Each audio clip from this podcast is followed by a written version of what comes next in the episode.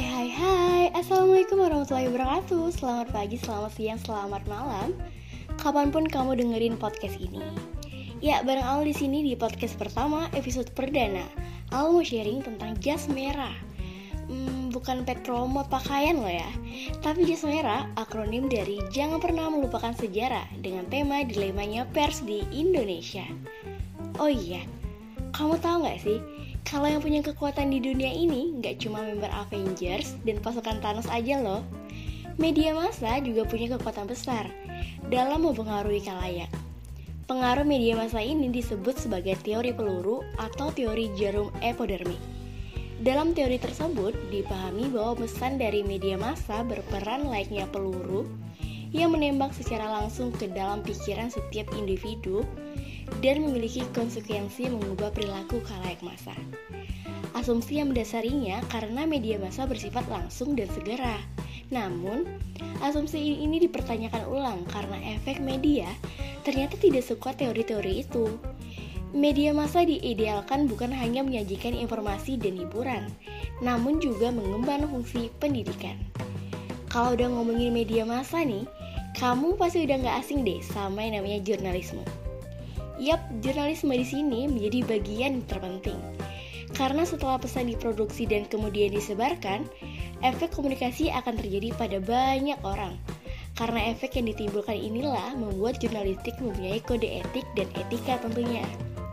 Terutama di masa sekarang yang kian mendapatkan signifikannya, karena persaingan antar media yang lebih ketat di mana koran harus bersaing dengan televisi, belum lagi harus berkompetitif dengan media internet yang kita akui unggul dalam kecepatannya. Dan radio yang awalnya hanya bersaing dengan TV, kini sudah dihadapi dengan saingan barunya, yakni layangan streaming di internet, termasuk podcast-podcast yang banyak tersebar seperti yang lagi kamu dengerin saat ini. Oke, kita balik lagi ke etika jurnalistik. Etika yang satu ini nggak hanya berlaku bagi wartawan yang telah tersertifikasi, atau wartawan yang menjadi anggota organisasi wartawan aja loh. Karena semua wartawan tetap harus taat pada etika jurnalistik sebagai bagian integral dan dari kewajiban moralnya sebagai wartawan. Hal ini untuk memastikan bahwa berita yang dibuatnya tidak membohongi kalayak, pembaca, dan narasumber. Yang namanya dibohongi itu kan gak enak ya. Kamu juga pasti gak mau. Hmm, tapi kalau dilupain kamu pasti lebih gak mau lagi kan? Yap, tepat banget. Al juga akan cerita tentang sejarah reformasi dan lahirnya undang-undang pers biar kamu gak melupakannya. So guys, pada masa kolonialisme, pers menjadi alat perjuangan untuk membangkitkan nasionalisme kebangsaan. Menghadapi itu, pemerintah kolonial Belanda menerapkan aturan tegas bahwa para wartawan yang mengkritisi pemerintah akan ditangkap dan dipanjarakan. Waduh, kebayang gak sih betapa kejamnya pada masa itu?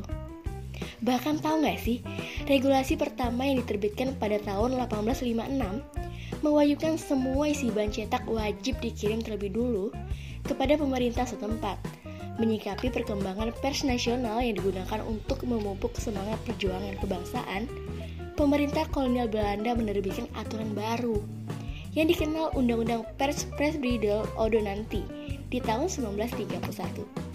Aturan ini secara tegas melarang terbitnya pers yang mengganggu ketertiban umum dan juga melanggar kekuasaan pemerintah. Peraturan ini sangat jelas sekali mengengkang kebebasan pers pada masa itu.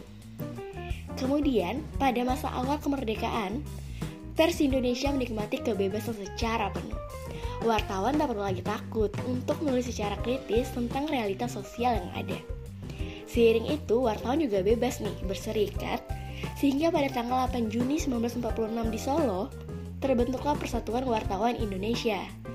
Momen tersebut menandai era baru dalam jurnalisme, di mana kode etik di bidang pekerjaan jurnalistik mulai diberlakukan. Nah, pada masa akhir Orde Baru, muncul kembali organisasi wartawan baru, yakni AJI, Aliansi Jurnalis Independen. Walaupun ditolak oleh pemerintah nih, wartawan yang tergabung dalam AJI tetap melakukan aktivitasnya. Namun lagi-lagi kebebasan wartawan dikengkang kembali. Di mana saat masa Orde Baru, muncul peraturan pemerintah yang menyebutkan bahwa pendiri perusahaan pers wajib mengantongi izin dari pemerintah. Regulasi ini membuat wartawan tidak lagi bebas menulis berita, Karena wartawan dan perusahaan pers sewaktu-waktu bisa aja nih penerbitan medianya yang teranggap terlalu kritis ditutup oleh pemerintah. Mungkin muncul pertanyaan dari benak kamu. So, apa bedanya pers di masa Orde Baru dengan masa kolonial? Pers di masa Orde Baru dikenal dengan pers pembangunan, di mana wartawan diwajibkan memberitakan sisi yang baiknya aja. Sedangkan sisi buruk yang terjadi dalam kehidupan menjadi hal yang tabu untuk diberitakan. Secara moral, pers yang dibangun pada masa ini adalah hukum pers yang dibuat untuk mengabdi kepada kekuasaan pemerintah. Akan tetapi, kondisi ini berubah pada tahun 1998 Gejolak reformasi menyebabkan Orde Baru tumbang, seperti yang udah diceritakan dalam film Di Balik 98. Mungkin kamu udah pada nonton ya filmnya. Di tahun berikutnya, yakni 1990, Undang-Undang Nomor 40 tentang Pers dikeluarkan, yang menjadi tanda selesainya wartawan terkungkung oleh pemerintah yang membatasi kemerdekaan pers selama 32 tahun. Kebayang gak sih, pers kita dikungkung dalam ta 32 tahun, nah itu lama banget guys. Ya, itulah dia sejarah reformasi dan lahirnya Undang-Undang Pers. Ingat, bukan hanya tanggal lahir dia aja yang gak boleh kamu lupakan. Sejarah juga jangan sampai dilupakan.